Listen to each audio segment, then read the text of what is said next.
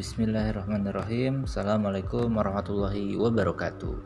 Ya kembali lagi dengan Rauf uh, Rauf Design atau Rauf Ref ya kalau di Instagram. Nah pada malam ini ya Di tanggal 22 November 2020 Rauf nih akan membahas sebuah tema yang berjudul Jangan jadi generasi reaktif. Nah, kenapa sih mengusung tema tersebut? Jadi ini berawal dari sebuah kisah di surat Yasin ya, dari tafsirnya yaitu berbicara tentang Ashabul Qaryah. Jadi Ashabul Qaryah itu sebuah masyarakat yang terkenal uh, tidak ingin masuk uh, surga dalam artian ya banyak membuat kebatilan gitu. Nah akhirnya diutuslah tiga orang uh, utusan dari Allah ya. Yang mana ini masya Allah banget cara mengajak kebaikannya cara berdakwahnya itu sangat mencintai uh, umat yang ingin didakwahi gitu. Kan biasanya orang-orang tuh uh, ibarat mau ngedakwahin biar dia nggak masuk neraka. Nah itu menurut kalian salah nggak sih? Menurutku sih sebenarnya nggak salah ya. Cuman ternyata ada kalimat yang lebih baik gitu kalau misalnya kita berdakwah itu alasannya atau tujuannya tuh bukan misalnya ada orang zolim banget nih ada orang berdosa banget. Ih kamu berdosa banget gitu kan kamu solimin gitu. Enggak lah. Pokoknya ya misalnya ada yang kayak gitu kan. Nah di situ kita biasa kan kalau ngajak sholat eh lu kalau nggak sholat nanti kalau mati gimana? Masuk neraka lu bilang gitu kan. Nah itu kerasa kayak uh, ini gak sih ngejudge banget gak sih? Atau nyumpahin enak gak sih digituin? Nggak enak ya. Nah akhirnya ini dari kisah Ashabul Qur'ah ini tiga utusannya salah satunya uh, beliau punya niatan yang mulia banget. Sebenarnya tujuannya sama biar dia nggak masuk neraka. Tapi uh, niatannya tuh nggak konotasi negatif gitu. Dia ingin umat yang diajak tuh masuk surga.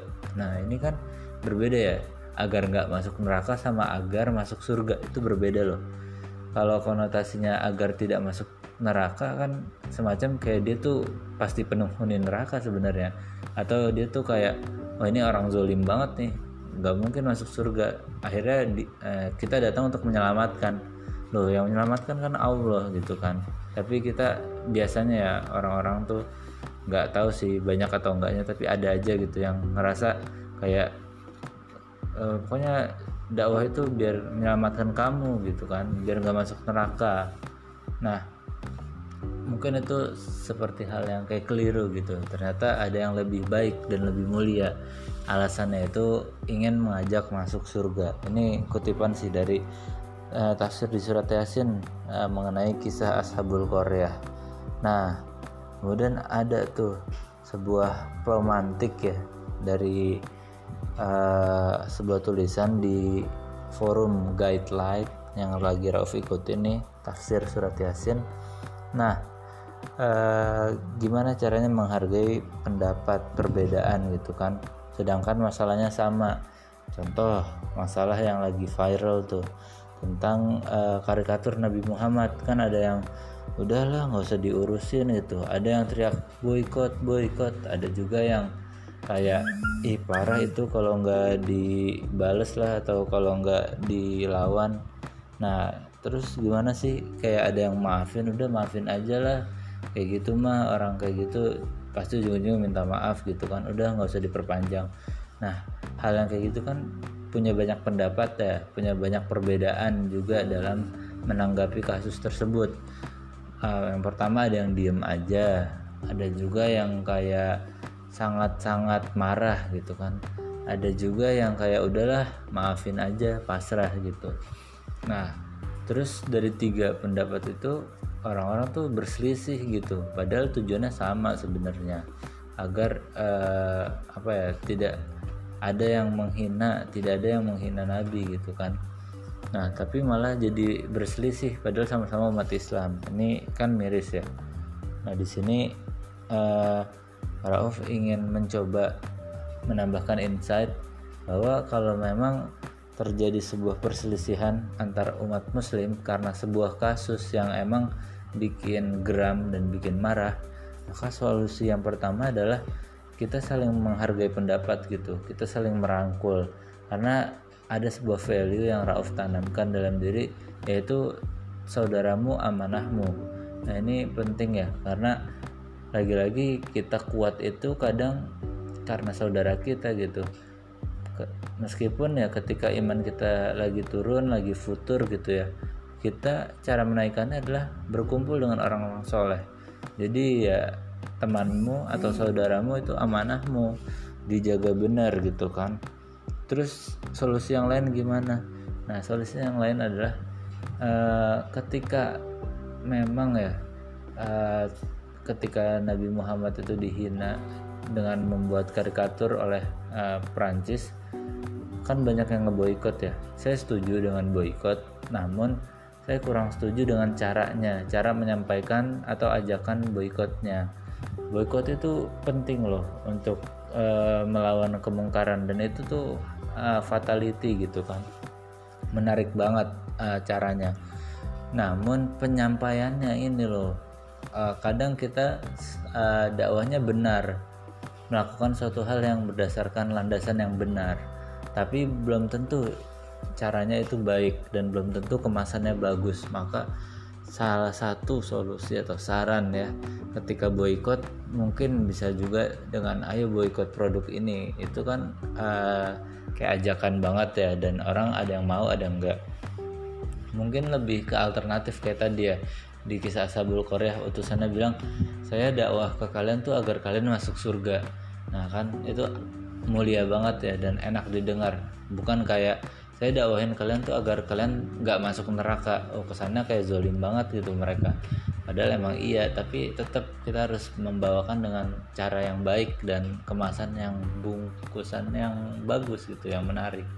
Maka ketika ada boykot coba dengan kata-kata yang lebih halus gitu lebih e, banyak orang terima gitu kan. Caranya misal boykot produk ini atau boykot produk e, negara ini diganti dengan uh, ini diganti dengan cintai produk lokal atau support bisnis teman. Nah itu kan kayak wah ini nih bagus banget ini gue setuju nih gue setuju. Nah kayak gitu.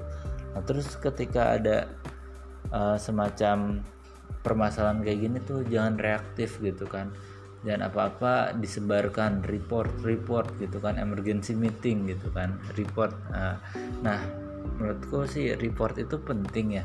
Tapi kalau misalnya akunnya baru gitu kan lebih baik nggak usah di report karena semakin kita report tuh semakin tujuan dia tercapai tujuan si pembuat uh, konten kontroversi itu tercapai yaitu dia ingin viral nah rumus viral kan emang di share gitu ya kalau semakin beritanya di share kontennya di share maka dia mencapai sebuah target yaitu viral dan followersnya nambah banyak Nah, jadi kalau emang ada konten kreator baru yang emang iseng ataupun dia sengaja untuk membuat uh, umat Islam marah, maka kalau kontennya baru ya diemin aja gitu kan. Karena tujuan dia cuma pingin viral gitu.